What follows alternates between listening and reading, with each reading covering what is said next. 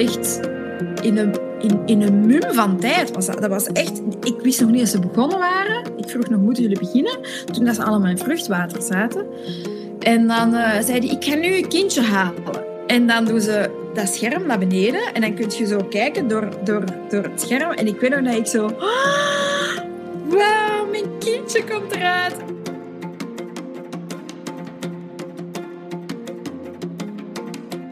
Hoi en welkom bij seizoen 5 van Potnataal.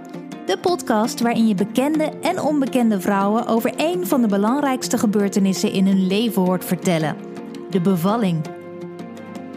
Ook dit seizoen heb ik weer een mooie en afwisselende club van toffe vrouwen verzameld die hun verhaal open en eerlijk willen delen. Laat je inspireren, voel je gesteund en verbonden met al deze prachtige vrouwen. Ik hoop dat dat je een beetje helpt in de voorbereiding of de verwerking van je bevalling, of misschien wel allebei. Je zult horen dat het er bij iedereen weer anders aan toe gaat en tegelijkertijd ook weer hetzelfde, omdat sommige gevoelens nou eenmaal universeel zijn. Dat gevoel van voor het eerst moeder mogen worden, dat is gewoon magie. Ik ben Simone Wijnands, moeder van een zoon en een dochter en ik maak potnataal. En dit is het verhaal van Veronique. Ik ben Veronique Leijsten. Ik, uh, ik woon in België, bij Mechelen, Antwerpen is dat. Um, ik heb twee kindjes. Eentje van één jaar, eentje van uh, ondertussen vier jaar. Ik ben voor het laatst bevallen op 17 februari, uh, een jaar geleden. Ik ben eigenlijk actrice, maar ik ben gestopt met mijn tv-werk om mijn eigen merk uit de grond te stampen. Dat is Maurice Bar en Maurice Knitwear. Dat is een kledinglijn en een horecazaak. En nu ben ik eigenlijk opnieuw aan het studeren, interieurarchitectuur, omdat ik dat altijd al wou doen. Omdat dat ook de reden is dat ik die bars heb opengedaan. Dat was omwille van de hele styling binnenin en een droomwereld te creëren waar mensen kunnen naartoe vluchten voor een ideale koffie in een ideale setting. Zo een, een toevluchtsoord een gezellige plek, geïnspireerd door mijn opa. En, uh, en mijn niet-weerlijn, de, de kledinglijn tellen, dat is zo het drang om te ontwerpen, iets te maken. En dat is ook altijd vast mijn interieur en uh, dat is allemaal één concept. Dus ik dacht, oh, ik moet dat gewoon doen, ik moet mijn droom najagen. En ik ben gewoon opnieuw gaan studeren, dus ik ben net begonnen aan een opleiding van vier jaar. Als je een potnataal-luisteraar uit Nederland bent, is de kans groot dat je voor het eerst van Veronique hoort. Maar ben je nou een luisteraar uit België, dan ken je haar vast en zeker. Want deze duizendpoot heeft haar sporen wel verdiend. Ik kwam haar zelf op het spoor omdat ik haar op een gegeven moment op Instagram ben gaan volgen. Ik vind haar namelijk een vrouw met een ongelooflijk goede smaak. Ze ziet er echt fantastisch uit. Ze is slim en heeft humor. Ja, gewoon een droom van een vrouw. En alles wat ze doet combineert ze dus met de zorg voor haar twee kindjes. Daarnaast heeft ze, grappig detail, net als ik, een man die bekend is van televisie, alleen dan in België. Ik was dan ook ontzettend blij dat ze ja zei toen ik haar vroeg voor potnataal. We spreken online met elkaar af, vanwege de afstand natuurlijk, maar ook uh, vanwege corona. En we kletsen uiteindelijk twee uur lang aan één stuk door. Dus het is een lekker lange aflevering geworden. Veronique is nog leuker in het echt dan ik al dacht, dus de tijd vliegt voorbij. Allebei haar bevallingen komen aan bod, die allebei eigenlijk heel anders verliepen, maar één ding is bij beide bevallingen tot Veronique spijt hetzelfde. Ik ben nooit spontaan bevallen. Bij mijn eerste bevalling ben ik ingeleid, omdat ik dan uh, het begin van een zwangerschapsvergiftiging had. Um, op 39 weken. En bij mijn tweede bevalling lag die in stuit. En moest ik, uh, moest ik een keizersnede ondergaan. Dus ik, ben, ik heb nooit een spontane wee gehad. Nooit. En ik vind dat super jammer. Want ik ben dus nog op geen enkele keer natuurlijk bevallen. Dus ik wil echt nog een derde keer zwanger worden. Gewoon voor tenminste is een natuurlijke wee te voelen. Ik heb dat nooit gehad. Ze vertelt hoe ze erachter kwam dat ze zwangerschapsvergiftiging had tijdens haar eerste zwangerschap. Ik zag altijd sterretjes voor mijn ogen en uh, ik was heel opgezwollen. Ik had oedeem. Of Udem. Ehm, en dan was er een vervangende gynaecologe die mij niet kende. En die had zoiets van, ik ga dat toch eens checken, want die ken uw situatie eigenlijk niet. En die heeft toen gezien van, oei, dat is een zwangerschapsvergiftiging. Uw waarden zijn helemaal niet goed. We gaan dat moeten bijhouden. En we gaan al, wat is dat, uw, um, vliezen breken, maar... Wat doen ze dan? Ik weet niet wat dat juist... Ze hebben toen wel al iets opgestoken, een pilletje opgestoken, dat dat toch al een beetje weker maakt. Om toch die bevalling van natuurlijk in gang te zetten omdat dat alleen maar verder en verder de slechte kant natuurlijk opgaan met een zwangerschapsvergiftiging. En dan ehm, hebben ze mij in toog gehouden. En dan zeiden ze van ja, kom morgen terug als je waarden niet stabiel zijn en die verslechteren, dan moeten we u morgenavond, moet je morgenavond hier blijven, dus kom met uw valies naar hier. En dan gaan we inleiden. En dan ben ik teruggegaan. Die waarden waren inderdaad niet stabiel. Die zijn alleen nog maar verslechterd. En dan hebben ze mij die avond in gang gezet. Um, maar het is zo, in België, of toch in het ziekenhuis waar ik lag, uh, moet je dan om negen uur s'avonds binnenkomen in het ziekenhuis. Je slaapt in de verloskamer, wat echt de hel is, want dat is echt geen leuke plek om te slapen. Um, en dan om vijf uur s morgens komen ze een pilletje opsteken en word je eigenlijk in gang gezet. Veronique vertelt me dat je in België eigenlijk maar twee opties hebt: thuis of in het ziekenhuis bevallen. Zoiets als een bevalcentrum is er niet. In Veronique's geval blijft dus de ziekenhuisbevalling over, maar dat vindt ze helemaal niet erg. Ik had in een ander leven heel graag gynaecologe geworden. of arts. Een andere specialisatie, maar het liefst gynaecologe. Um, dus ik ben super... Ik vind dat super boeiend, de vrouwenlichaam en bevallingen en operaties en zo. Dus ik heb wel echt gewoon een voorliefde voor een ziekenhuis, vreemd genoeg. Dus ik voel me altijd heel veilig en heel... Um, ik zit gewoon super graag in een ziekenhuis. Ik, ik, vind die, ik vind die atmosfeer heel bevreemdend, maar daarom wel heel cool. Omdat... Plus, je zit nooit in een ziekenhuis um, in, een, in een goede toestand. Meestal als je in een ziekenhuis zit, dan zit je daar omdat je ziek bent en omdat je slecht voelt en rot voelt. En, en, en, en als je bevalt, dan zit je in een ziekenhuis, maar zo... Dus voor mij is dat echt zo'n hotel met, met prima zorg, waar iedereen lief is. Plus je hebt zoveel oxytocine dat je gewoon iedereen graag ziet. En iedereen is stom en lief. En de gynaecoloog is daar en die komt je elke dag bezoeken en vraagt hoe het gaat. En die vroedvrouwen zijn lief. En dus ja, ik hou echt van het ziekenhuis. Waarschijnlijk ben ik daar heel atypisch in, maar ik vond dat geweldig. Haar eerste bevalling wordt dus niet natuurlijk op gang gebracht. In het ziekenhuis breken ze haar vliezen. Vreselijk gevoel, dat vond echt nog het ergste van alles eigenlijk. Die vliezen breken, omdat je ziet zo... Je er zijn nog geen hormonen of zo. Er, komt nog niks vrij. Je zegt in gewone toestand, je aan het wachten en ineens komt er iemand je vliezen breken. Ik vond dat verschrikkelijk.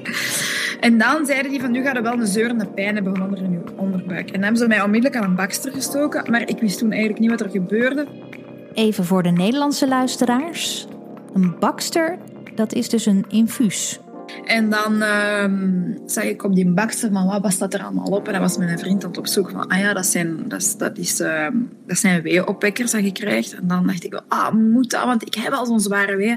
En elke minuut had ik een wee. En ik ben toen echt, ik heb toen mijn muziek gepakt. Ik had zo'n uh, flesje suikerwater bij.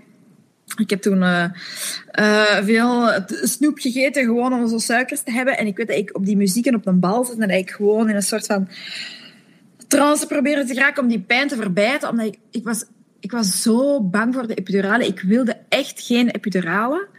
Um, maar ik weet die verpleging toen zei van ja, je, zei, je hebt een... Uh, je, je, bent in gang gezet, dus je gaat, je, je gaat weeopwekkers bij krijgen. Dus pak toch maar een epidurale, want je gaat dat gewoon niet kunnen dragen. En, um, en oh ja, voor mij was het echt gewoon sterven op dat moment. Maar op een of andere manier... Ja, ik ben zo heel competitief ingesteld. Als ik sport, dan sport ik. En als ik iets doe, dan doe ik iets altijd 100%. Ik kan niet zoiets maar half doen. Ik ga altijd voor iets met volledige overgave. Dus dat bevallingsverhaal was voor mij ook niet op voorhand afgesproken voor mezelf. Ik had geen geboorteplan, maar ik had wel het idee van... Ik wil dat wel echt proberen zonder. En mijn gynaecoloog dacht van, ja, we zullen dat wel zien. Um, en die dacht eigenlijk dat ik dat niet ging kunnen. Maar oh, ja, door, dat, door dat instinct en indrang van ik wil verder gaan en mijn grens nog verleggen en nog verleggen en nog verleggen, hebben die altijd maar blijven verlengen tot helemaal op het einde. Dat ik echt niet meer kon, omdat dat, dat was zo zwaar. Plus, dat was een sterrenkijker. Dus ik moest op Ah. handen en voeten gaan zitten op, het, eh, op de bevallingstafel, gewoon om hem te doen draaien. Maar ik wist, een vriendin van mij had ook een bevalling gehad bij dezelfde gynaecoloog. En die had ook een sterrenkijker en die is niet gedraaid. En ze hebben een spoedkeizersnede moeten doen. En ik dacht, ik heb geen epidurale. Als ik een spoedkeizersnede moet doen, dan moeten ze mis- misschien mij volledig onder narcose doen om snel te zijn. No way. Ik wil geen volledige narcose. Ik wil geen spoedkeizersnede. Ik ga op handen en voeten zitten. En ik ga die proberen te doen draaien. Zo. Maar dat was een helse pijn. Dat was gewoon... Dat was, dat, dat was, dat was echt niet te dragen. En dat heeft dan vier uur geduurd. En dan... ehm, na vier uur kwam mijn gynaecoloog binnen. En die zag dan, oh, je hebt 9 centimeter, maar je hebt zo'n zo'n grote persstrang. Kom, ik ga dat gewoon, ik ga er 10 centimeter van maken. En die heeft iets gedaan wat verschrikkelijk veel pijn deed. Maar die heeft die een baarmoederwand nog verder kunnen opentrekken of zoiets. Ingeknipt waarschijnlijk ook? Of, eh, Nee, nee, die heeft echt gewoon dat open... Met haar hand is hij gewoon naar binnen gegaan en die heeft dat echt opengetrokken met haar hand. Ehm, en die zei, ja, begin nu maar te persen. En dan was het 10 centimeter. Dus ik, ik weet niet wat, die heeft, niet geknipt of zo.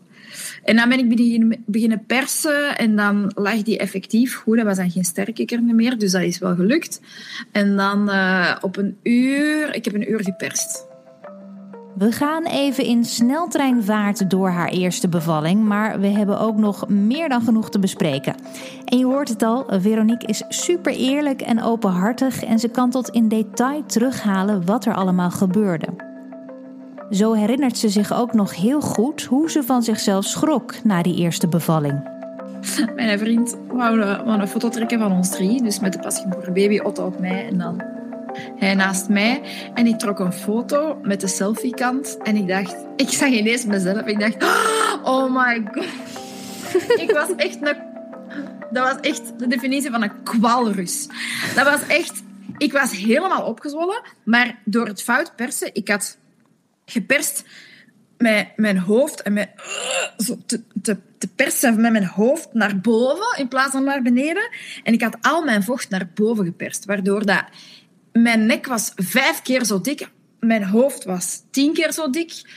Ik stond vol met van die uitslag van het persen, met van die rode stippen, alsof ik echt ontploft was. Mijn hoofd was precies ontploft. Mijn ogen waren zo dik alsof ik slaag had gekregen. Ik heb een vroeg Mijn vriend had heel de tijd washandjes op mijn hoofd liggen leggen, terwijl ik dat niet wou, maar ik kon niet zeggen, want ik was aan het persen tijdens dat persen. En die altijd maar een washandje uitwringen en nat maken en op mijn hoofd leggen. Maar zo plets op mijn hoofd, op heel mijn gezicht, dat het er zo afviel. En ik dacht, oh my god. En ik had mascara op en zo. En ik dacht, oh, mijn vroeg stond recht naar boven. Mijn mascara was overal op mijn gezicht. Buiten op mijn ogen. En mijn hoofd was ontploft en ik zag er verschrikkelijk uit. Ik was echt een oermens. En ik weet nog dat die toen ook zeiden van, oh my god, een oervrouw. Maar ja, maakte het je nog heel erg uit op dat moment? Meer, je, je zag nee, maar... ik, ik was gewoon verschoten van hoe ik eruit zag. Omdat ik eigenlijk wel redelijk goed aan die bevalling was begonnen. Ik, eh, ja, ik, ik, ik, was ingeleid, dus ik wist ik ga bevallen. Dus ik had nog rustig mijn tanden gepoetst. Eh, ik had nog mascara opgedaan. Ik had een blusje opgedaan. Ik was rustig gaan liggen, klaar voor de bevalling. Mijn kleedje aangedaan om te bevallen. Ik, was, ik ga er goed uitzien op mijn bevalling. En ik ga dat hier even fixen. En ik ga er een feest van maken. Dat was mijn intentie. En eh, ja, amai, dat, was mij wel het feestje. Ik, ik, ja, ik ben het wel altijd leuk ik beginnen vinden, maar ik weet dat ik dacht van... Wat een rollercoaster. Wa- Wanneer gaat je stoppen, die rollercoaster? Ik wist niet waar ik zat in de rollercoaster. Ik wist niet... Want ze hebben nooit ook niet kunnen toucheren bij mij hoeveel centimeter ik had. Omdat het zo Omdat- snel ging allemaal. Omdat het zo snel ging, konden die gewoon nooit toucheren. En ik, en ik weet dat ik zei, ik moet kakken, ik moet kakken. Dat die zeiden van, nee, nee, nee, nee, nee. Bij jullie zei ik moet poepen, denk ik. Ja, ja, ja, klopt. Ehm, en die zeiden, nee, nee, nee, dat moet je persen. En ik moest echt nog naar het toilet. Ik ben nog naar het toilet gestapt, maar ik, geraakte niet op toilet zelfs. Ik, dat, was, dat was de hel en ik raakte er ook niet meer af. Haar eerste bevalling voelt dus als een rollercoaster. Voor we beginnen aan de volgende rollercoaster, haar tweede bevalling, praten we eerst nog over haar tweede zwangerschap, die ook niet per se vlekkeloos verliep.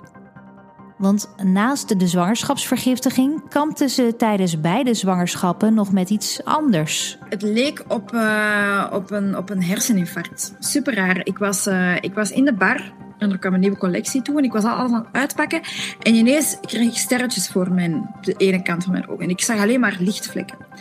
En ehm, ik kon ineens niet meer op namen komen van mensen. En de mensen die rond mij waren en het personeel die daar aan het werken was. En ik had nog een, uh, een interview met iemand en ik, ik, wist, ik wist niet meer waarom dat interview was. En er was met iemand die um, een meisje moest vervangen in de bar. Ik wist de naam van dat meisje ook niet meer. Ineens wist ik niks nog. Ik kon ook ineens niet meer praten. Ik kon niks meer zeggen. Ik wist niet meer hoe ik iets moest zeggen. Ik wist niks. De ene kant van mijn gezicht werd voos en lam. Ik kon dat niet meer bewegen. Um, en ik ik kon niet bedenken wat er aan de hand was met mij. Ik zei alleen maar niks, niks, niks van laat mij doen, laat mij doen. Maar... En niemand kon iets vragen van, moet ik je dokter bellen? Dokter? Ik wist niet wat het woord dokter was en zo. Ik had geen flauw benul en het heeft heel lang geduurd. En dan s'avonds ik naar huis reed, um, had ik pas door van, dat was iets raar. Maar, maar dat was gewoon een herseninfarct dat ik heb gehad. En dan ben ik naar de dokter gegaan, heb bloed laten trekken heeft hij mij naar het ziekenhuis gestuurd. Ben ik onder een scan, een MRI gegaan. Er was niks op te zien. Um, en dan zei hij van ja, hou het in toog als het nog eens gebeurt. Maar wij kunnen niks vinden. Wij kunnen geen bloedklonter vinden. Uh, maar ja, ondertussen was dat al drie dagen geleden. Dus hij zei van als het nog eens gebeurt, kom terug. En dan heb ik dat nog één keer voor gehad als ik um, s'nachts in bed lag. Dat ik ineens... Een soort, dat begon altijd met een, bijvoorbeeld een beweging dat ik maakte die ik niet kon linken aan mijn eigen lichaam. Dus ik, ik bewoog mijn hand en ik zag een vreemd hand dat niet van mij was. Ik kon dat niet linken dat dat mijn lichaam was. Super raar. En zo begon dat altijd. En dat is een tweede keer ook geweest in bed dat ik wakker werd en dat ik aan het woelen was en dat ik ineens mijn hand zag en mijn hand niet herkende als mijn hand. En toen dacht ik, oh nee, dat gaat weer gebeuren, dat gaat weer gebeuren. En dan probeerde ik aan mijn vriend duidelijk te maken van, het is weer bezig, maar ik kon niks zeggen. Dus ik kon alleen maar wakker maken en ik kon alleen maar zeggen, weer, weer, dit weer, weer. En ik kon dan linken van, oké, het is weer zo'n raar moment. Maar hij dacht eigenlijk dat ik comedie speelde, omdat hij zoiets had van, uh, is deze, wat hij allemaal aan het doen? En dan vroeg hij van, oké, tel eens van 0 tot 10.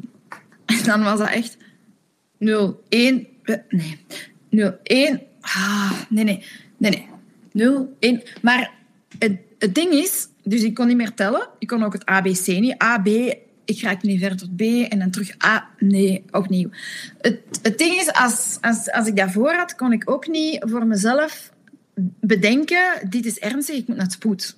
Omdat ik totaal buiten zinnen was. Ik kon dan niet bedenken dat dat ernstig was. Dus dat angstig. Die, die vroeg aan mij, moest, moeten we naar het ziekenhuis? En ik zei, nee, want ik kon dat niet bedenken.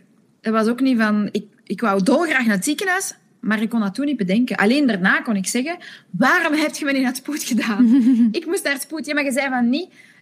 Omdat ik gewoon irrationeel niet kon, beoordelen, niet kon oordelen over die situatie. En dat is bij mijn tweede zwangerschap ook gebeurd. Maar omdat ik daar telkens heel raar over deed in het moment, ben ik nooit op dat moment naar spoed gegaan. Um, in mijn tweede zwangerschap is dat ook gebeurd als mijn vriend naast mij zat. Ik was, uh, ik was uh, potjes aan het sorteren en ineens waren die spotjes zo iets raar. Een raar voorwerp. En ik dacht, oh nee, ik heb het weer. Ik kon weer niet op dingen komen. En, en ik kon weer niks linken met elkaar. Ik kon weer geen namen uh, benoemen. Ik kon weer niks zeggen. En ik kon alleen duidelijk maken, ik heb het weer. En dan zijn wij wel naar het ziekenhuis gegaan. En dan heeft mijn vriend mij aan het onthaal de uitleg laten doen. Maar ik kon niks uitleggen. Dus ik kon alleen bedenken, verloskamer, verloskamer, verloskamer, verloskamer. Dus ik was met dat hoofd verloskamer. Dus ik had duidelijk gemaakt aan die van Totaal, goed naar het verloskamer. Maar die dacht waarschijnlijk, die heeft weeën of ik weet Die heeft mij doorgestuurd naar het verloskamer.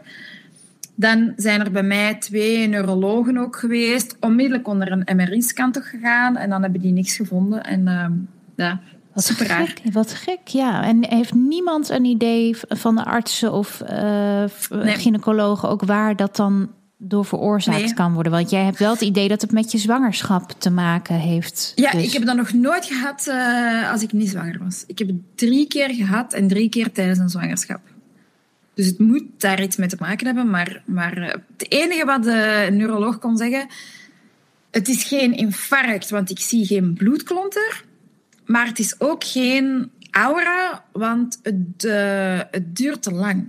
Dus een infarct is normaal één ding dat uitvalt. Of uw spraak, of uw herkenning, of uw zicht. Maar bij mij was het alles. Dus alles viel uit. En hij zegt, dat kan niet, want dat zit altijd op één deel van je hersenen.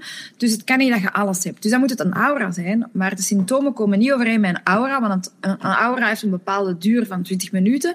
En bij u is dat veel langer. Dat duurt soms een halve dag. Dus het is, het is raar, ik kan dat niet plaatsen. Of het moet een mini, mini, mini klonter zijn, maar dat zouden ze ook wel moeten kunnen zien in principe. Dat er ergens een zuurstoftekort is geweest, maar dat, ze kunnen dat niet vinden. Nee, maar maakte je dat niet heel angstig tijdens je zwangerschap? Ja, super angstig. Ik, ik, op het moment zelf zit je zo in een soort van... Je, je kunt niks zeggen, dus je zit echt gevangen in je eigen lichaam. Je weet dat je irrationeel denkt en je kunt niks anders bedenken. Dat is zoals je woorden. Je weet dat je wilt zeggen, we moeten naar spoed, maar je weet niet wat je moet zeggen, je weet niet hoe dat je moet zeggen. En het komt niet tot aan je tong. Het, alsof het woord vastzit in je buik en je kunt het niet naar boven brengen. Alsof dat je in een droom zit en je wilt heel hard roepen in je slaap, maar je kunt niet roepen. Want er komt geen trillingen. Je kunt geen geluid produceren. Dat gevoel. Je zit echt zo locked up in je, in je lichaam. Super raar. Een angstige situatie om mee te maken. En natuurlijk, maar dat staat eigenlijk los hiervan, was ze bezorgd om de gezondheid van haar baby. Ik ben altijd een beetje een bangerik geweest in. Dat kan toch niet dat ik een kind maak die perfect gezond is. Er gaat iets aan een kind zijn. Ik weet ook met mijn eerste bevalling dat ik zoiets had dat het eruit kwam. En heeft dat tien vingers en, heeft dat, en ik weet dat hij zijn ogen niet open kreeg omdat hij dicht plakte um, door dat vruchtwater.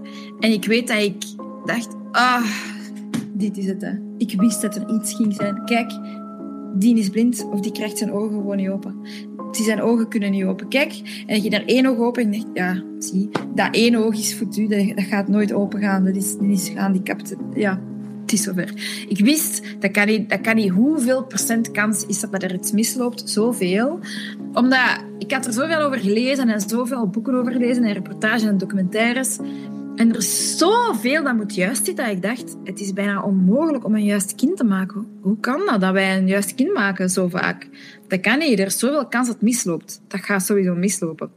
Dus ik had sowieso al heel veel schrik om, uh, om een kind te maken waar iets aan was. Gewoon omdat ik dacht, wat zijn de kansen? Ik bedoel, vanaf dag één zet je aan het ontwikkelen, heb je stress en er zoveel factoren die meespelen. Nu, het onderzoek is er ook gebleken dat, dat stress en zo, dat er ook zoveel meespeelt in de ontwikkeling van dat kind in, in baarmoeder.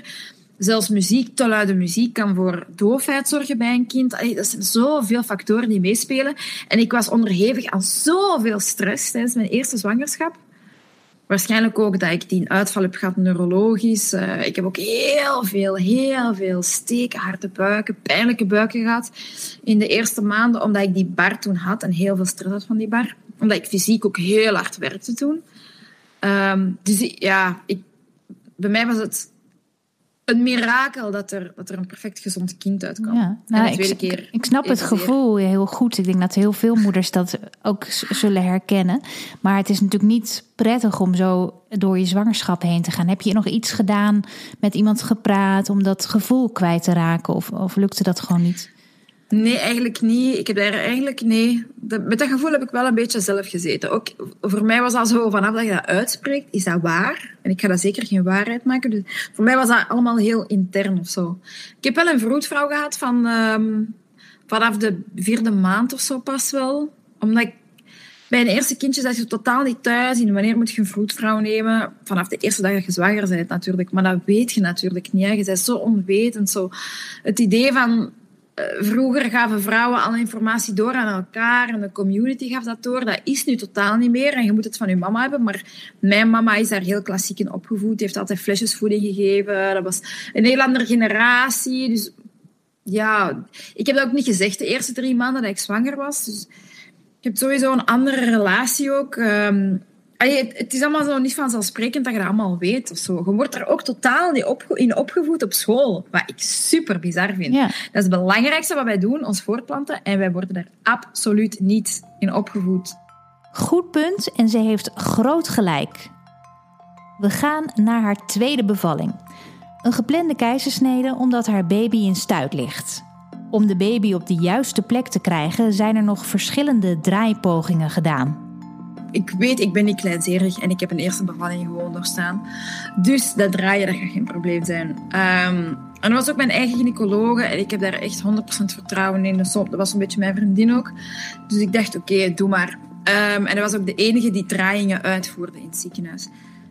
Um, maar dat was de hel. Dat was echt de hel. Ik wil niemand bang maken, maar dat was echt de hel. Maar dat heeft ook een reden, is later gebleken. Maar dus ze, ze, geven, ze, ze zitten nu ook aan een bakster. En dan laten ze een product uh, incijpelen om je spieren heel, uh, heel wak te maken. Um, en ze zeiden van ja, je kunt daar wat hartkloppingen van krijgen. Maar zeg als er iets is, biep maar als er iets is. Dus hup, zet me aan de bakter. Oké, dat product zijpelt in. En mijn hart begint als een zot tekeer te gaan. Ik denk dat ik aan... Ik weet dat de baby ook aan... Uh, 150 zat en ik aan 90 zat. Dat was echt 93, 98. Ik weet niet meer tussen wat dat moest zitten, maar bon, die zeiden, je kunt wat hartkloppingen. Maar dat was niet normaal. En ik kon ook niet meer normaal ademen. Ik was echt... En Thomas, mijn vriend, maar rustig, rustig. Maar ik, ik kan dat niet. Ik heb dat niet onder controle. Ik kan mijn hart niet trager doen gaan. Ik kan niet trager ademen. En ik was echt in een soort van... Gewoon aan het hyperventileren. Om, ik kon er niks aan doen. Dat werd bestuurd zonder dat ik daar vat op had. Dus ik kon mezelf niet rustig maken.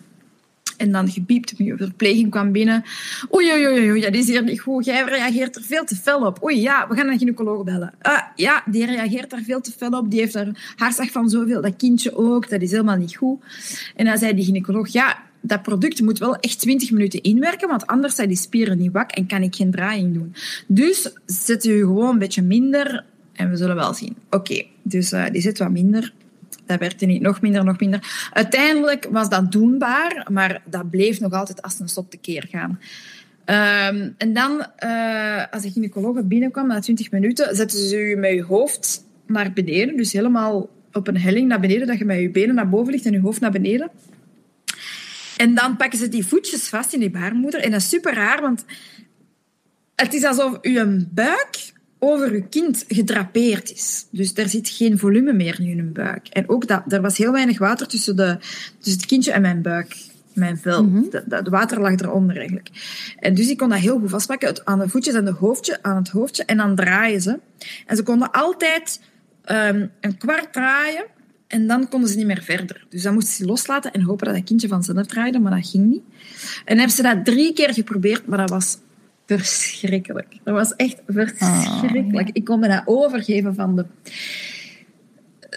Alsof dat ze je ingewanden vastpakken en dat helemaal torsen en dat helemaal ondersteboven draaien en die eruit wringen. Dat was verschrikkelijk, dat gevoel. Dat was echt verschrikkelijk. Ik ben er echt van moeten bekomen. Dat was niet te doen.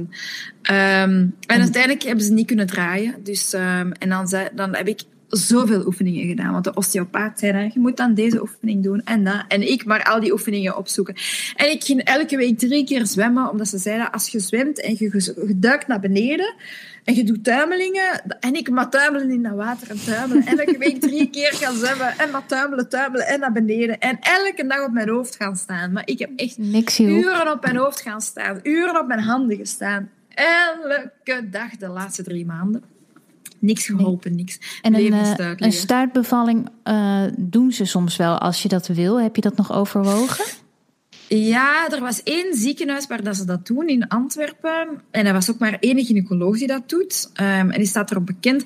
Maar die staat er in België. België is heel voorzichtig wat dat betreft. Um, die staat er ook onbekend om een beetje een cowboy te zijn. En die heeft ook wel wat rechtszaken tegen hem lopen. En mijn gynaecoloog zei, kijk, ik doe dat niet. Ik doe niet zo'n bevalling, want... Uh, de, ik weet dat de, de, kinderarts ook zei van, ja... um, ik ben daar ook geen voorstander van, omdat ik heb ooit... Ik ben ooit bij een bevalling geweest, een stuitbevalling. en uh, het hoofdje zat vast en het kindje heeft het niet gehaald, omdat het hoofdje vast zat. Dus Nooit meer. Ik wil daar nooit... Als dat, ik ben er niet bij bij zo'n bevalling. Ik wil dat niet gezien hebben. En dus mijn gynaecoloog zei ook, daar zijn veel te veel risico's aan verbonden, voor zowel vrouw als kind. Dus ik wil dat risico niet pakken. Dus oké, ik heb die dan gevolgd. Um, dus voor mij was daar ook gewoon... Ik, ik weet dat de, de vroedvrouw dan nog wel heeft aangemoedigd van... Ga eens informeren en zo. Je moet zien waar dat jij je best bij voelt. Maar um, uiteindelijk heb ik dat niet gedaan, omdat, uh, omdat, omdat ze alle twee zoiets hadden van het risico. En mijn vriend had ook zoiets van, wij gaan gewoon geen risico pakken. Waarom zouden we? Het is de dag van de geplande keizersnede. Op een maandagochtend. En Veronique en haar man brengen hun oudste zoontje naar school. Ik weet nog, de, de vroedvrouw, die, die haar kindje zit ook uh, daar op school. En ik zei nog, ik ga ze niet bevallen. En oh, succes, succes. Ik ga dan wel tegenkomen deze week op de gang als ik dienst heb. En, uh, en het was super raar, omdat ik zoiets had. Ik ga, mij, ik ga een pakketje kindje halen of zo. Ik ga dat even kopen in de winkel. Dat was zo raar. En dan vooral, ik lag dan... Weet je, met een bevalling is allemaal heel gevoelsmatig. En dat is heel... Uh, uh, ook al wordt geen gang gezet, dat is toch een soort van een, een hormonaal avontuur. En nu komt je zo op bestelling, je krijgt een bandje aan met een scan en je wordt overal gescand, je bandje wordt gescand. En je ligt naast al de patiënten die geopereerd worden in een wachtzaal op een bed en je moet liggen met een dikke buik en een kind aan het voelen is, omdat dan zo die stress voelt of zo. Mijn buik was echt de keer aan het gaan, nu normaal. Iedereen kwam naar die buik kijken, omdat hij zo... Wat is die aan het doen? Ik had toch zoveel honger, omdat ik dat niet mocht eten en zo, voor de narcose. En... Um, en het is zo raar, want je ligt daar zo op bestelling te wachten op je kind. Iedereen gaat op bestelling onder het mes. Jij idem, maar er komt dan een pakketje uit. Dus het was zo raar. Ik vond dat echt ook wel magisch, omdat ik bekijk altijd... Ik weet dat ik toen zei, de gynaecoloog wist dat ik echt heel veel schrik had van de keizersnede. Zo in mijn buik snijden en een kindje eruit pakken. En ik vond dat echt zo bevreemdend. En hij echt zoiets van, we gaan dat goed doen, we gaan dat tof doen, we gaan dat leuk doen. We gaan er een feest van maken. En... Um, en ik weet nog dat hij zei van, en Sava met je ruggenprik. En ik dacht toen van, ja, weet je, ik beeld mij gewoon in dat ik in een film zit en dat dit, het, uh, dat dit de scène is en dat ik dat gewoon even goed moet spelen. Dus ik ga gewoon goed spelen. Zo. Het soort van een avontuur is dat ik nog nooit heb gedaan en zo. Ik mag dit ook eens meemaken, want ik, ik heb dat nog nooit gedaan. Ik ben nog nooit bevallen onder keizersnede, dus ik mag dat ook eens doen. Dat is ook wel cool, want ik ga zelfs niet eens pijn hebben. Dus eigenlijk, eigenlijk, Sava. Ik ga geen pijn hebben en ik ben omringd door toffe mensen. Dus, dus eigenlijk was het een beetje zo'n onderrondje van... Hihi, oké, zijn jullie al bezig? Ja, oké, spannend. Ik kan bijna niet wachten om te horen hoe het verder gaat. Maar we moeten er toch heel even tussenuit voor een break. Voor een moment met de sponsor van deze podcast. Geboortetens. Als je zoals Veronique een geplande keizersnee krijgt, dan is het heel simpel. Je krijgt een ruggenprik. Maar als je bevalling een natuurlijk verloop heeft met weeën, dan is het verstandig om van tevoren na te denken over eventuele pijnbestrijding. Wil je het en welke opties heb je? Als je daarin gaat verdiepen, dan is het misschien interessant om eens te kijken naar de geboortetens. Ik heb al meerdere vrouwen gesproken die er gebruik van maakten tijdens hun bevalling en die er heel erg blij mee waren. En als ik er toen vanaf had geweten, had ik het zeker willen proberen tijdens mijn eerste bevalling. De geboortetens is namelijk een vorm van alternatieve pijnbestrijding tijdens de bevalling. Het apparaatje geeft door middel van een soort pulsen tegenwicht aan je weeën en daardoor dus verlichting. Het voordeel is dat je daardoor geen gebruik hoeft te maken van medicatie. Het is niet schadelijk voor je baby. Het is heel simpel in gebruik. En je kunt hem ook nog eens overal mee naartoe nemen. Dus of je nu thuis of in het ziekenhuis bevalt, dat maakt niets uit. En hij is meestal gratis, want heel veel zorgverzekeraars vergoeden hem ook nog. Wil je hier nou meer over weten en kijken hoe je hem kunt bestellen? Want dat moet je voor je bevalling regelen. Ga dan voor meer informatie naar geboortetens.nl. En dan gaan we nu snel weer verder met het verhaal van Veronique. Terwijl ze een infuus aanleggen, moet Veronique's man in een andere ruimte wachten.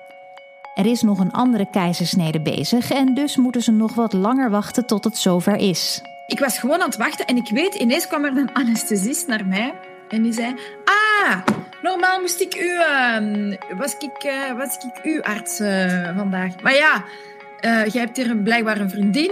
Dus uh, die gaat dan met u mee. Maar normaal was ik eigenlijk wel bij u op de lijst hoor. En mijn, mijn man speelde, had een, een uh, programma gedaan op tv en begon die daarover te babbelen tegen mij.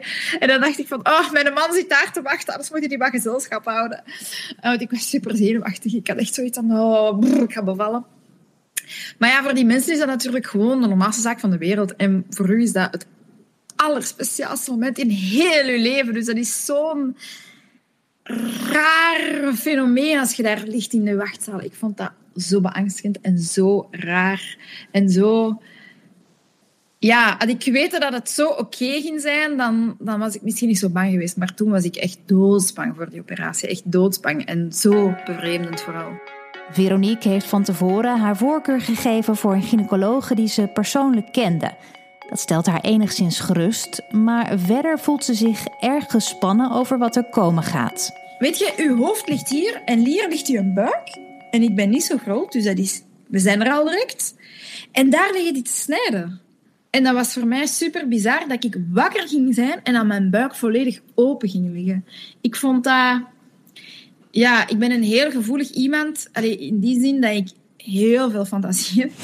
En dat mijn fantasie echt volledig op hol slaat. En dat ik mij alles visualiseer, dat het eruit ziet. En vooral tijdens de operatie kon ik ook meevolgen in de lamp. En dan zei ik ook, oh kijk, ik kan alles zien. En de gynaecoloog, woep, die lamp weggedaan. Maar ik kon, nog, ik kon echt gewoon alles meevolgen. En ik, ik bouwde natuurlijk ook, want uit mijn soort van um, interesse in menselijk lichaam en, en, en hoe dat je mensen opensnijdt en wat je dan eerst tegenkomt. En ik vind dat super interessant. Ik had dat zelf echt graag willen worden. Dus, um, maar toch is dat raar als je natuurlijk bij jezelf doet. Dus Ja. uh, ik, het was zo beide. Ik vond het heel spannend. En langs de andere kant vond ik het heel eng om zelf gewoon open te liggen. En vooral, deze kant ligt open en is één bloedbad. En de bovenkant had ik nog mascara en lippenstift op. En was ik zo, oh fijn, niks aan de hand. Ze knijpt de arm van haar gynaecologe helemaal fijn als ze de ruggenprik toegediend krijgt. En dan blijkt dat gedeelte opeens best wel mee te vallen.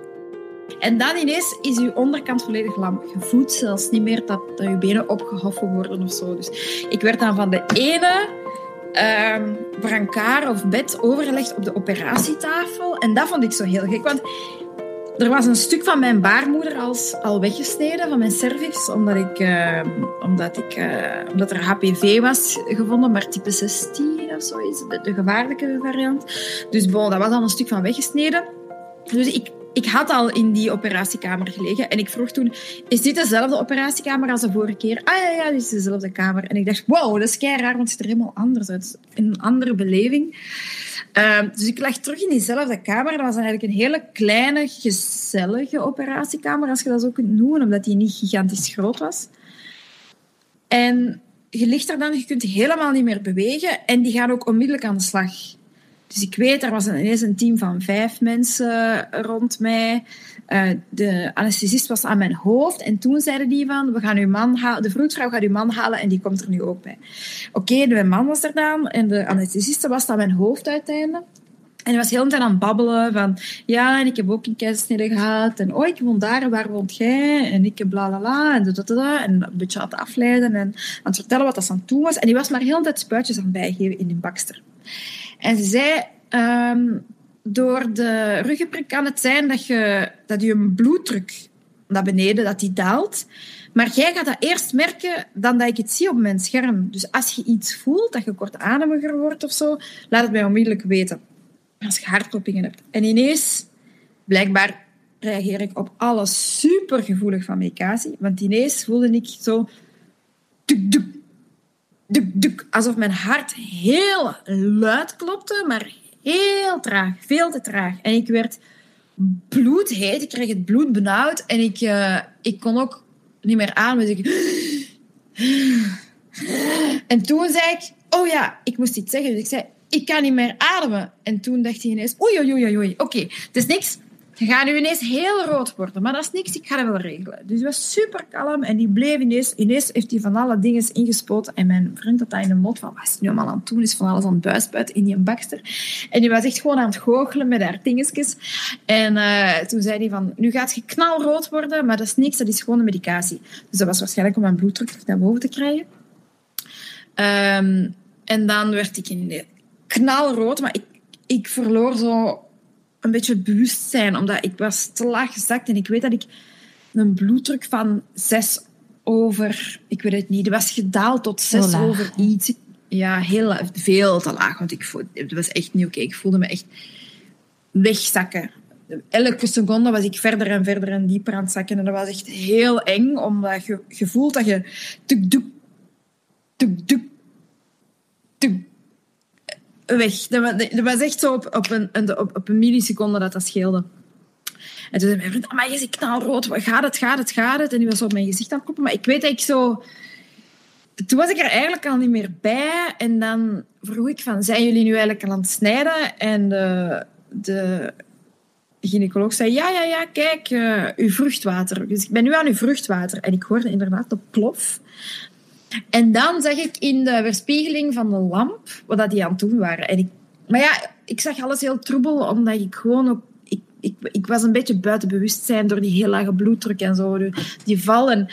Dus ik wist eigenlijk niet wat ik zei. En ik zei, ah ja, ik kan het zien. En toen heeft de gynaecoloog de lamp weggedraaid. En toen zei ze...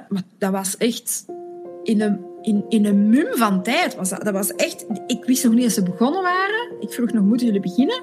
Toen dat ze allemaal in vruchtwater zaten.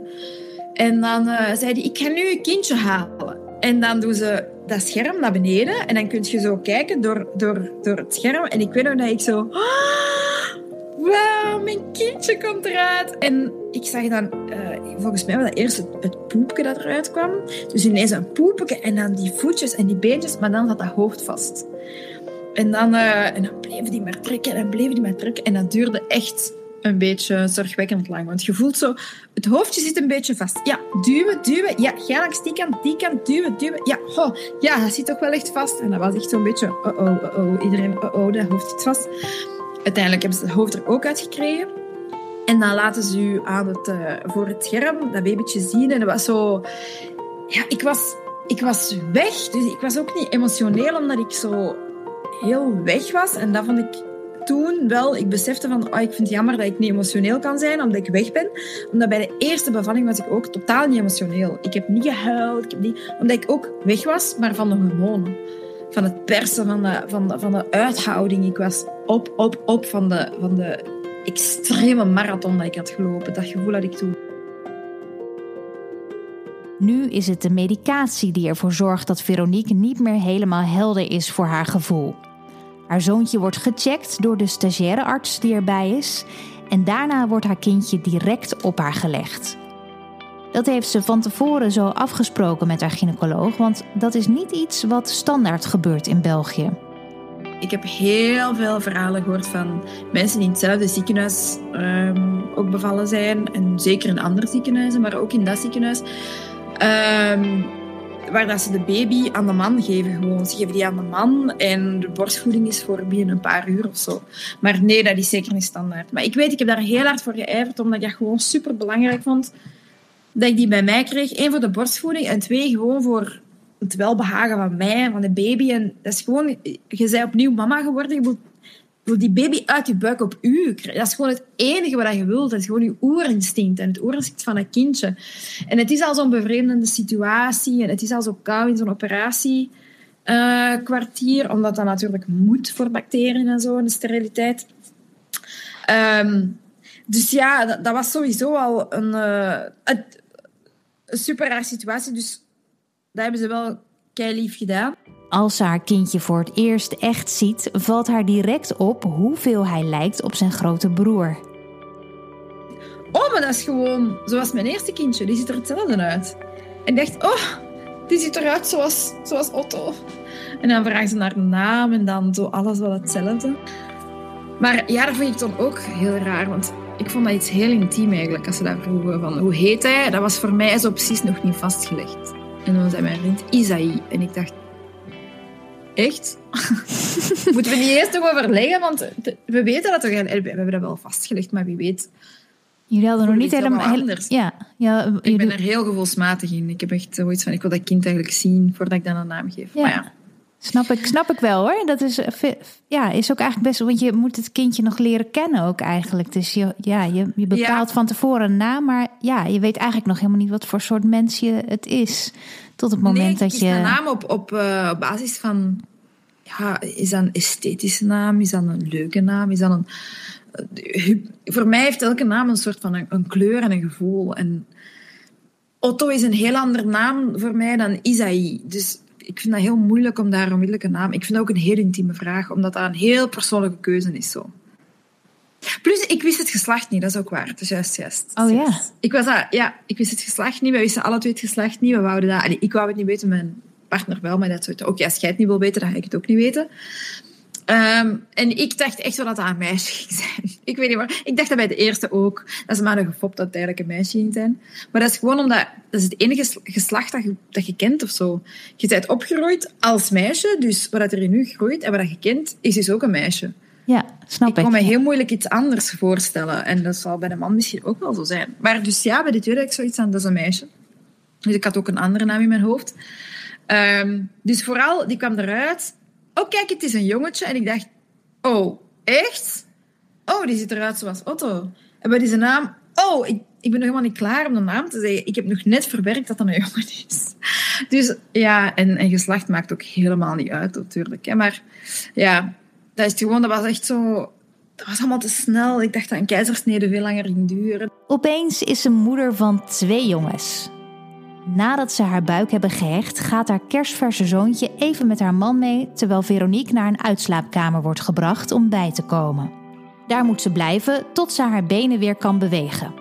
Ondertussen wordt haar zoontje bij haar gebracht om te drinken, maar dat gaat nog niet zo makkelijk. En die wou maar niet drinken, die hapte niet aan. En ik weet bij mijn eerste had ik op voorhand wel uh, een cursus gevolgd over borstvoeding, hoe dat ik dat moest doen. Dus ik weet, ik kon die helemaal alleen aanleggen. Die moesten mij niet helpen. En dat stond ook op mijn dossier, kan baby alleen aanleggen. Dus u heeft geen hulp nodig.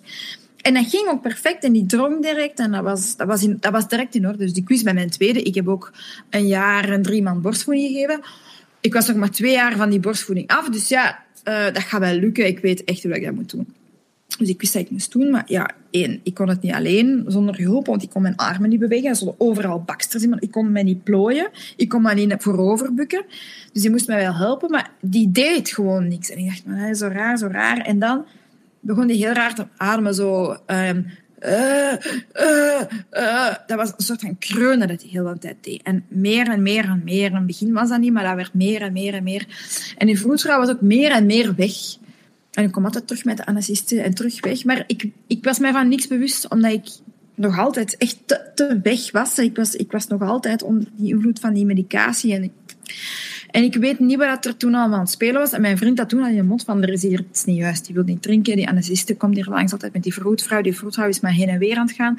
En ineens zei die vroedvrouw, ik ga de anesthesisten halen ik ga vragen dat jullie mee mogen, want anders ga ik de babytje met de partner al mee moeten nemen naar boven, want hij maakt wel raar geluid. We gaan eens hem toch eens aan de monitor moeten leggen. En ik had nog altijd geen idee wat er aan de hand was. Ik had nog altijd niks gedronken, maar we hadden toen wel... Uh, want ik, ik was heel veel melk aan het produceren. En ik weet dat mijn vroedvrouw vroeg...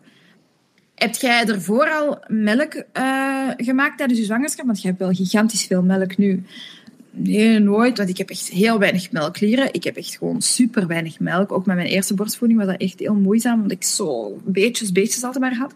Dus nee, in tegendeel, ik had altijd heel weinig melk. En die zei van, oh, dat is raar dat je zoveel, melk aanmaakt, maar we gaan dat al wel in een lepeltje in zijn mondje doen, dat hij wel dat suiker heeft. Dus oké, we hadden dat wel proactief al gedaan. En uh, ineens kwam mijn anesthesist, maar dat was maar een half uur later na de operatie, kwam die terug en uh, die zei, heft eens uw been naar boven. Ik kan natuurlijk niks doen. Ik weet dat ik bij één teen zo... Al mijn krachten verzameld. Ik kan dat. Ja, heb je het gezien? En die zei... Ja, oké, okay, ga maar naar boven. En ik dacht, amai, zeg, streng. Dat zal wel zijn. Je zegt helemaal niet streng. Ik heb gewoon niks bewogen. Dus ik dacht, heb ik goed liggen. ik mag naar boven.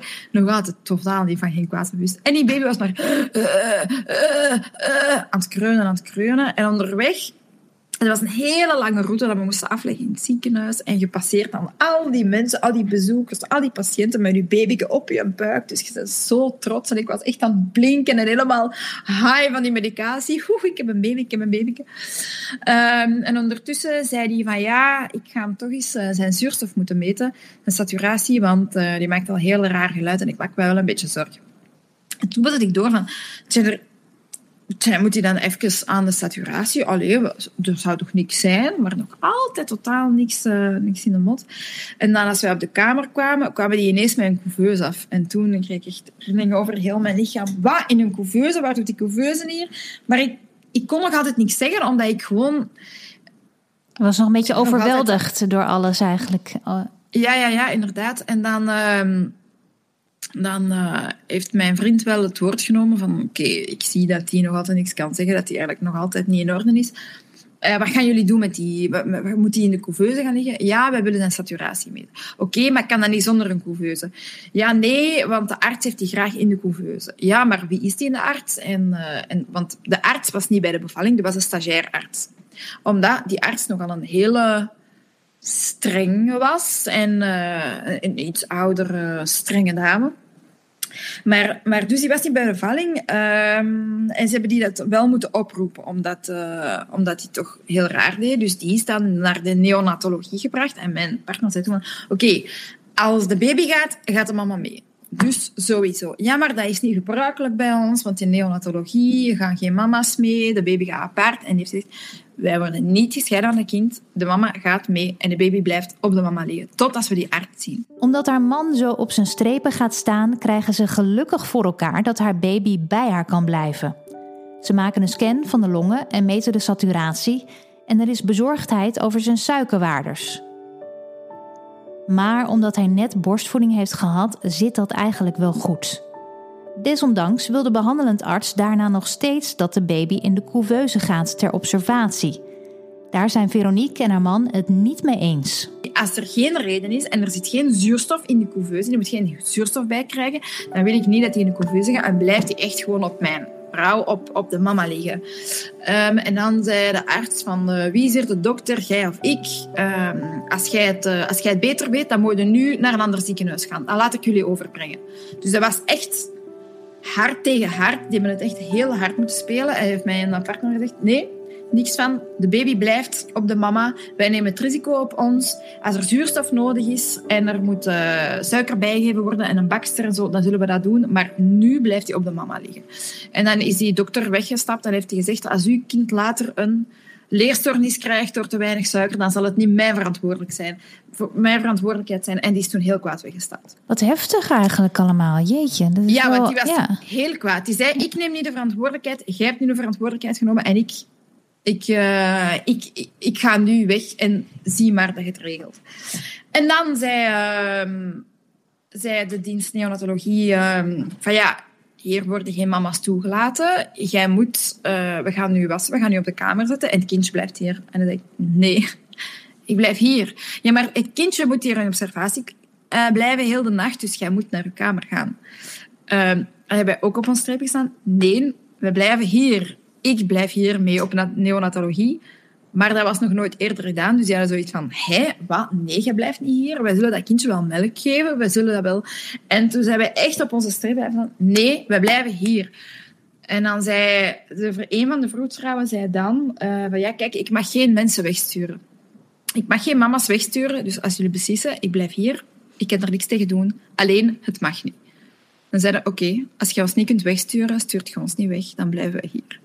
En dan ben ik daar gebleven. Mijn vriend is zelfs nog sushi gaan halen. Heeft sushi meegenomen naar neonatologie. Uiteindelijk is mijn, mijn kleinst, mijn oudste zoontje, die toen drie was, is toen ook nog mee mogen mijn mondmaskertje dag komen zeggen aan het babytje. De ademhalingsproblemen blijken uiteindelijk veroorzaakt te worden door twee dingen. Waarschijnlijk zijn de longetjes van haar zoontje nog niet helemaal goed gerijpt, omdat hij natuurlijk iets vroeger is gehaald door de keizersnede. En wanneer een kindje door het geboortekanaal gaat, wordt het water uit de longen geperst. Bij Isaïe zat er dus nog wat vocht en de arts vreesde een klaplong. Uiteindelijk loopt het dus met een sisser af en komt de arts zelfs nog langs om zich te excuseren voor zijn heftige reactie. Sorry, we moesten niet op de keer gaan, maar ik vond dat heel uh, um, onrustwekkend hoe dat hij ademde. Meestal loopt dat niet goed af. Bij hem is dat twee uur nadat hij op mij lag, is dat gestopt. Is dat omwille van dat hij op mij lag, dat hij de geruststelling... Dat is mijn moedergevoel natuurlijk, hè, maar ik ben geen arts en dat, ik kan alleen maar zeggen, omdat ik het natuurlijk zo heb gedaan. Ik heb die op mij gepakt, ik heb die op mij gehouden, ik ben blijven melk geven via een lepeltje. Um, en uiteindelijk, s'avonds om tien uur, ik ben om om tien uur bevallen s'morgens en s'avonds om tien uur s'avonds, als ik alleen was met hem, heeft hij voor het eerst gedronken, maar ik ben wel heel de tijd proactief melk blijven geven via een lepeltje aan hem. Dus die had eigenlijk geen melktekort. En dan is hij beginnen drinken. Ehm, en toen is dat, de ademen ook gestopt, is die normaal beginnen ademen en was er niks meer aan de hand. En de dag daarna zijn we dan uh, op de gewone kamer kunnen gaan. Dus ja, was dat omdat hij op mij lag, dat hij de geruststelling had, dat hij gerustgesteld werd, dat hij rustig is, dat alles is aan plooi is gevallen. Ik, ik, weet het niet, dat is mijn moeder gevoel, maar dat weet ik natuurlijk niet. Maar dat was wel een, risico natuurlijk, ja, dat er, dat er meer aan de hand was, of dat er een achterliggende reden was, of dat het, het, het vocht niet weggeraakte. Of, allee, er waren zeker risico's aan verbonden, maar het was geen risico dat hij op mij lag, omdat hij geen zuurstof kreeg. en dat hij gewoon gemonitord moest worden. Maar natuurlijk voor een dokter, en dat zijn andere kinderarts ook daarna, die ons daarin wel steunden. Van ja, natuurlijk, het is voor een arts, voor een dokter, gewoon veel makkelijker om een kindje te monitoren die in een couveuse ligt, dan een kindje dat op je buik ligt, want dat ziet je niet zo goed. Dat is de reden waarom het in een couveuse moet liggen. Maar om geen enkele andere reden moest hij in een couveuse. Als alle hectiek een beetje is weggeëpt, komt opeens het besef dat ze een keizersnede heeft ondergaan. Wat toch een grote en heftige buikoperatie is. Iemand anders met een buikoperatie, die mag een week niet rondlopen. Terwijl van, het, van de tweede dag moeten wij al recht staan, moeten wij naar de badkamer lopen, moeten wij ons eigen gaan douchen. Met begeleiding, dat ze uw handje vastpakken, maar that's it. Ik bedoel, dat is, dat is ondertussen moet je borstvoeding geven. Komt er bezoek in het ziekenhuis? Um, ehm, Zijt je opnieuw mama geworden? Je bent ook nog partner. Je moet mensen te woord staan. Dat komt er allemaal bij. En je moet dat maar gewoon doen. Ik vind dat ongelooflijk. Ik vond dat toen hallucinant. Echt. Nu ben ik daar al iets meer over van... Ah ja, oké, dat is dan zo. Maar toen had ik echt zoiets van... Hallo? Iemand met een andere buikoperatie op een andere afdeling... die vandaag dezelfde operatie heeft gehad mag de komende week gewoon niet recht staan, mag niet voorover gaan zitten. En wij moeten ondertussen een kind voeden en opvoeden en bij ons pakken en ermee slapen en, en, en bezoek ontvangen. En dat vond ik ook hallucinant, dat bezoek. Dat kreeg ik niet uitgelegd aan mijn partner. Ik heb wel op mijn strepen moeten staan voor het minimum aantal bezoekers. Maar wel, ik bedoel, ik heb, uh, ik heb twee broers en zus, die hebben allemaal een partner en kindjes. En dan nog eens um, de, mijn ouders, gewoon de Peters, de meters. De, die heeft drie Peters en twee meters. En dan nog eens um, zijn ouders en zijn broer. Allee, iedereen is gekomen, dus dat zijn wel echt heel veel mensen. Het wel of geen bezoek vlak na je bevalling is een enorme worsteling voor Veronique en ik begrijp haar heel goed. Met een gewone bevalling vond ik dat al heel onnatuurlijk om dat direct met iedereen te gaan delen. Omdat één, je moet wennen aan het feit, ik ben bevallen. Dat was een gigantische rollercoaster dat ik echt moest verwerken, want ik vond dat zo intens. Twee, um, ik heb een kindje gekregen. Ik ben mama, maar ik heb ook niet eens een kindje gekregen. Ik moet borstvoeding leren geven. Ik moet daarmee om leren gaan. Ik moet ik ben veranderd als mens ineens in een, in een, in een fractie van een seconde. Um, de vroedvrouwen komen naar mij kijken, komen kijken van, zijt je geknipt, zijt je gescheurd, moet ik het verzorgen? Je ligt open en bloot, je borsten doen veel pijn, daar ligt een baby aan, dat doet allemaal veel pijn, je weet niet eens wat je moet doen. Vroedvrouwen komen ook aan je borsten alsof het de normaalste zaak, alsof het je pols is. Je komt even je polshoogte nemen, zo borsthoogte nemen. Dat is echt zo Wow, niemand ooit heeft mijn borsten gezien buiten mijn vriend. Waarom komt die er naar mijn borst te kijken? Dat is allemaal super gevoelig en dat doet pijn. En ik voel mij, ik voel mij bizar en ik voel mij raar. En, het is ook wel goed dat dat daar genormaliseerd wordt. Hè, van doen je onnozel, dat zijn maar twee borsten. Maar je voelt je wel raar. En als er dan nog eens bezoek bij komt en je moet borstvoeding geven, en die komen op het moment, uiteraard, je kindje moet drinken, want je kindje moet gewoon nog heel vaak drinken ik stelde dat altijd uit, omdat ik zoiets ja, maar het bezoek is er net. En ja, dan moet ik die weer weg. En dan moet ik mijn tijd pakken. En dan moet ik mij haasten. En ik kan mij niet haasten. Dan moet ik mij... Dus ik deed dat dan zo onder een laken. En dan zo stelde ik dat uit. En dan zo een beetje sussen, sussen, sussen. En oh, dat was verschrikkelijk. En bij de tweede wou ik echt geen bezoek. Maar... En nog altijd heb ik met mijn partner die discussie, maar tot op de dag van vandaag. Hè. En die is super open-minded. Maar ik heb zoiets, ik ben bevallen, ik ben mama geworden. Ik heb het recht om dat voor mezelf te willen houden, om het niet te communiceren dat ik bevallen ben. Totdat ik er zelf klaar voor ben en, en het te delen met de wereld en met mijn familie en met al de naasten. Ehm, en ik heb het recht om naast het nieuws ook pas de baby te willen afgeven als ik daar klaar ben voor mhm. ben als mama. En als de baby daar klaar voor is. En mijn partner heeft zoiets van, ik heb het recht ik ben de vader, om het ook aan mensen te vertellen als ik er klaar voor ben. En dat is namelijk onmiddellijk. En ook eh, eh, de baby te willen geven als ik hem wil geven. En dat is ook onmiddellijk. Dus wat is mijn recht dan? En tot op de dag van vandaag is dat een discussie waar we echt ruzie over kunnen maken. Omdat, omdat wij een ander idee hebben. Hij vindt dat hij het recht heeft en ik vind dat ik het recht heb. En wie heeft dan gelijk? Ik vind, ik, want ik ben opengesneden, hij vindt, hij ook. En dat we daar een consensus over moeten maken. Dus uh, bezoek vanaf dag 1, misschien niet, wel dan vanaf dag 2 en misschien geen 50 man, maar wel dan 10 man of 20 man. Ik denk dat deze struggle ook herkenbaar is voor heel veel vrouwen. Vijf dagen blijft Veronique in het ziekenhuis en daarna moet ze het alleen doen thuis, want kraamzorg heeft ze niet. Ik ben zo'n heel zelfstandige daarin. Ik heb zoiets, nee, nee, ik doe dat zelf wel. Um, dus ik heb dat eigenlijk nooit genomen, kraamzorg. Ik heb, uh, ik heb dat altijd zelf gedaan. Um, ja. En eigenlijk was ik... Vanaf ik thuis was en ik kon stappen, was ik eigenlijk was ik vertrokken. Ik heb toen liggen koken, eten maken, machine inladen, de afwasmachine inladen, uitladen. Ik, ja, vanaf dat ik vertrokken was, was ik vertrokken. En ik weet, uh, drie weken daarna, nadat ik thuis was van het ziekenhuis, moest mijn man naar, naar uh, Engeland gaan, naar Londen, voor een interview. Dat was toen een heel belangrijk interview um, met een internationale gast. En ik dacht van, ja, waarom ga ik niet gewoon mee? We gaan gewoon allemaal samen. En ze hebben allemaal samen gegaan. Dus drie weken na mijn keizersnede. De, de, de, ding Eurostar op naar Londen. In Londen rondgelopen met een pasgeboren baby in mijn draagzak. Een mooi avontuur. En waarom ook niet? Veronique doet het gewoon. Wat helemaal niet wil zeggen dat ze op wonderlijke wijze opeens weer rondhuppelde natuurlijk. Integendeel, het herstel van de keizersnede viel haar best zwaar en daar is ze altijd heel open over geweest, ook online. Ik heb toen een post gedaan op Instagram van...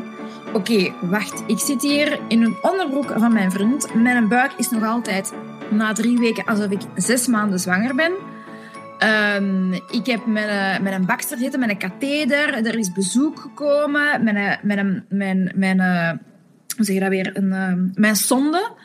Uh, mijn sonde was gewoon aan het lekken onder mijn bed terwijl er bezoek was, terwijl je mijn baby wilde vasthouden. Allemaal goed en wel. Maar ik wist daar zelfs niks van. Ik, waarom vertelt niemand mij dat? Waarom vertellen wij vrouwen dan niet in elkaar dat, dat een keizersnede zo'n impact heeft op, op alles? Dat je niet kunt bewegen, dat je heel behoefzaam, bent, dat je behoevend bent, sorry, dat je, um, dat je niet zelf uit bed kunt stappen, dat je een zonde hebt, dat je een katheder hebt, uh, dat, je, uh, dat je de eerste vijf dagen gewoon niet kunt stappen, dat je gewoon bijna opnieuw moet leren stappen dat je een zes maanden zwangere buik zult hebben voor de komende zes à negen maanden.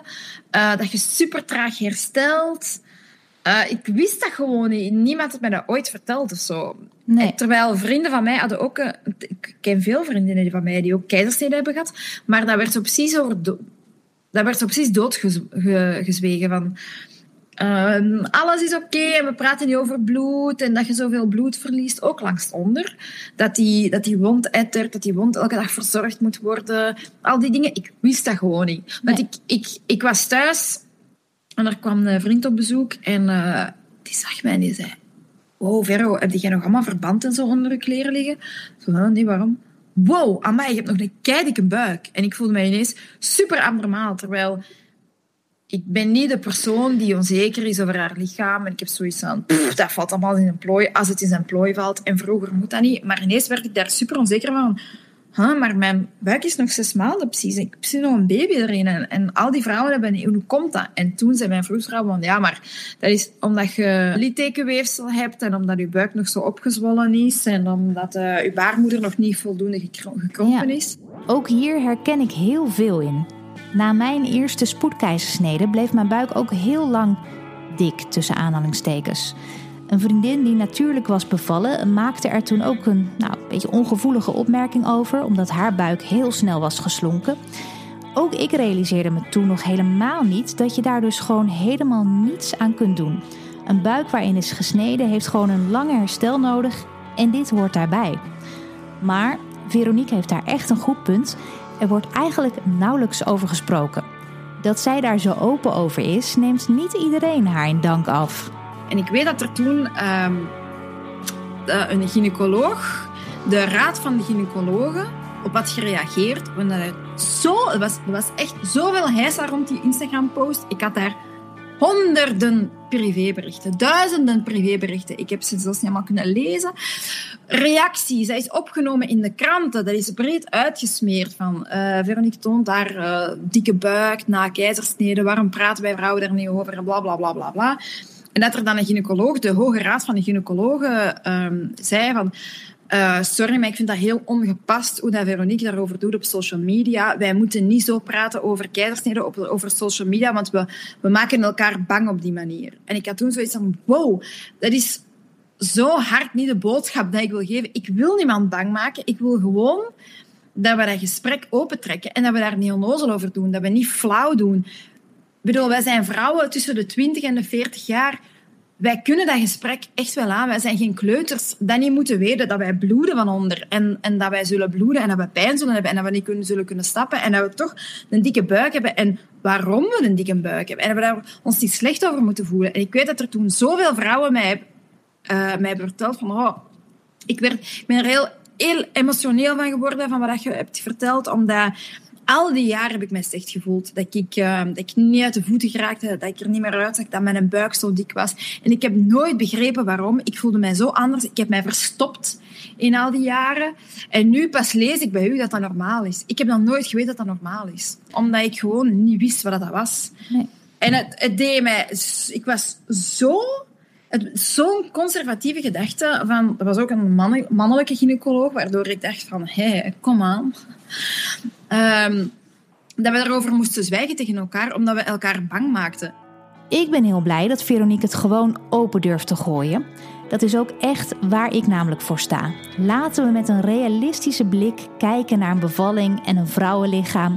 En niet blind zijn voor de minder mooie kanten. Want ja, ondanks dat een bevalling een fantastisch iets is, ja, zijn die er toch ook. En dat is helemaal niet erg, maar laten we erover praten dan weet je dat je er niet alleen in staat en dat het ook uiteindelijk allemaal wel weer op zijn pootjes terechtkomt.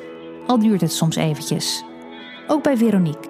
Nu pas kan ik terug in mijn broeken. En mijn buik is nog altijd niet wat het was, maar ik moet zeggen, ik doe er ook gewoon nu geen moeite meer voor, want ik heb zoiets van... Ik ben, ja, ik ben daar al sowieso niet echt mee bezig. Um, maar ik heb zoiets, ik zal wel terug uh, ooit beginnen trainen als ik zo. Ik wil graag drie kindjes als ik mijn derde heb gehad. En dan, ik ga nu niet die moeite doen als ik zo misschien binnenkort terug zwanger ben of zo. En hoe gaat het nu met haar twee jongens? Ja, goed. Mijn eerste kindje is Otto, is een, uh, een heel gevoelig, heel verstandig mannetje. Um, heel veel met taal en zo bezig, kon al heel snel spreken. Um, ja, die. Uh, heel gevoelig, heel, heel verstandig. En mijn tweede kindje is een heel fysiek. Is, uh, is super snel met stappen. Die stapt toen op uh, tien maanden en een half. Uh, is al heel snel. Dus die stapt nu al heel lang. En die is ook heel vlot. Die kan al zo'n beetje lopen. Die kruipt overal op. Dat is zo een heel ander type. Heel avontuurlijk. Uh, zit heel mama, mama, mama te roepen. Dus die zit de hele tijd achter mij aan. Um, maar een heel fysiek mannetje. Een heel ander gezichtje ook wel gekregen. Zo heel, een heel kottig. Mijn eerste kindje is een heel serieus kindje. Zo neemt alles heel serieus en, en gaat aan de slag met alles. En is heel intern bezig met van alles en nog maar een grote fantasiewereld. En, en deze lijkt helemaal anders. Ik vind dat zo gek dat je zo twee volledig andere kindjes kunt maken. Maar daar lijkt het wel op.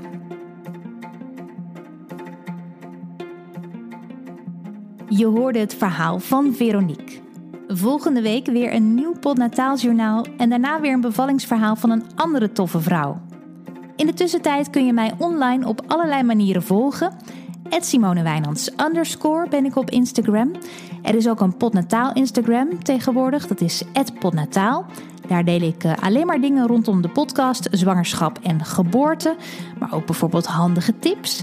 En verder kun je ook nog overwegen om vriend van de show te worden. Dat is een manier om podcasts financieel te steunen. Ga daarvoor naar vriendvandeshow.nl slash podnataal.